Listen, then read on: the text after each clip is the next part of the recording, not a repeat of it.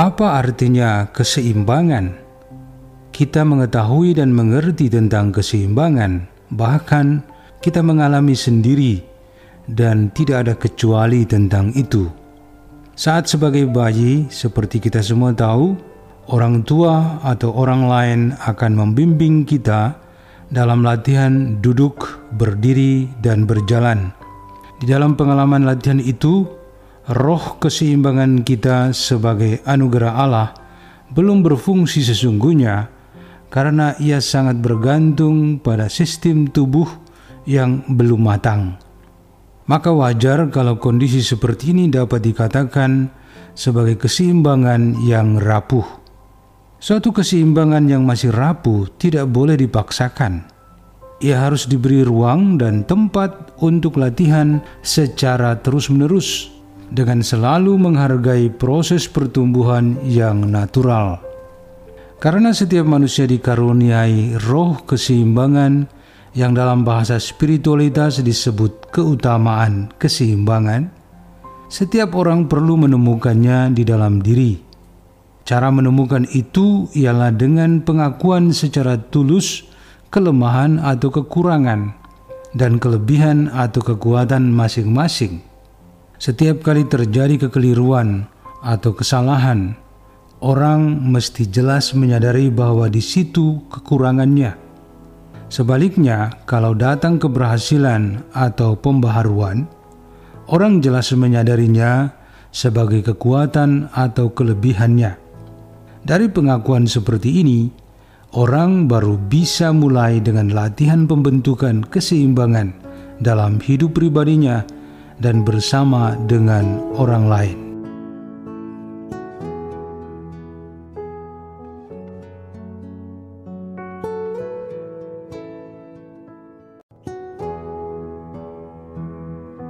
Keutamaan keseimbangan dapat dianggap sebagai strategi jalan tengah.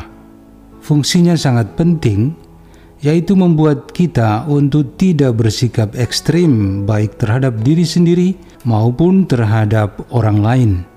Konkretnya, ialah dengan keseimbangan nilai-nilai dan keutamaan yang ada pada kita masing-masing dapat berfungsi dengan baik dan teratur.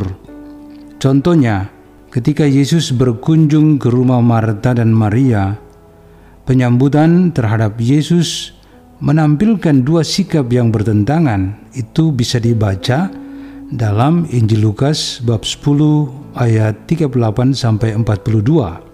Padahal keseimbangan sikap kita kepada Tuhan mesti tampak dalam bagaimana membuat kerja dan doa sebagai sarana untuk hidup di dalam rahmat Tuhan. Singkatnya, di dalam segala aspek kehidupan ini, kita mesti menggunakan keutamaan keseimbangan sebagai pengatur cara hidup dan tingkah laku kita supaya kenyamanan dan kedamaian tercipta di dalam kehidupan bersama. Pola hidup yang sehat dan positif sangat memerlukan keutamaan keseimbangan. Dari bagaimana orang mengatur waktu untuk kegiatan-kegiatan hidupnya, mestinya terlihat bahwa baik kegiatan jasmani, rohani, sosial, dan politik mendapatkan porsi waktu dan perhatian yang seimbang. Aturan main yang dipakai ialah dengan memperlakukan skala prioritas bagi setiap kegiatan hidup, atau lebih konkret, setiap orang mesti memiliki standar kesadaran dan tingkat kemampuan diri untuk berada dan bertindak pada saat, tempat, dan kepentingan yang sesungguhnya. Atau dalam bahasa teknis pendidikan, dikatakan bahwa setiap orang perlu hidup dengan hak dan kewajibannya yang berlaku.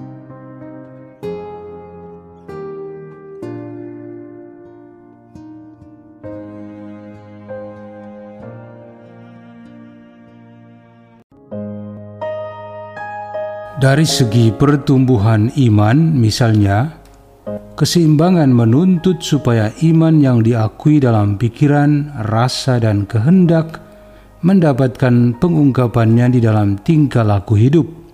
Kita berdoa Bapa kami dengan mendaraskan rumusan seperti kami mengampuni orang yang bersalah kepada kami mestinya dapat terungkap dalam tindakan nyata, mengampuni sesama di mana dan kapan pun kita hidup. Sering kita terlalu banyak bicara sehingga kita kurang mendengarkan, padahal kita hanya memiliki satu mulut dibandingkan dengan dua telinga. Hal ini berpengaruh juga dalam doa-doa kita.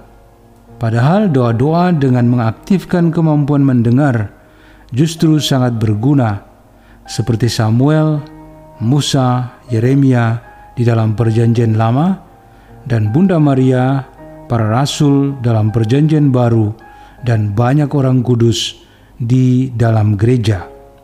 Marilah kita berlatih dan terus bertekun di dalam keseimbangan hidup.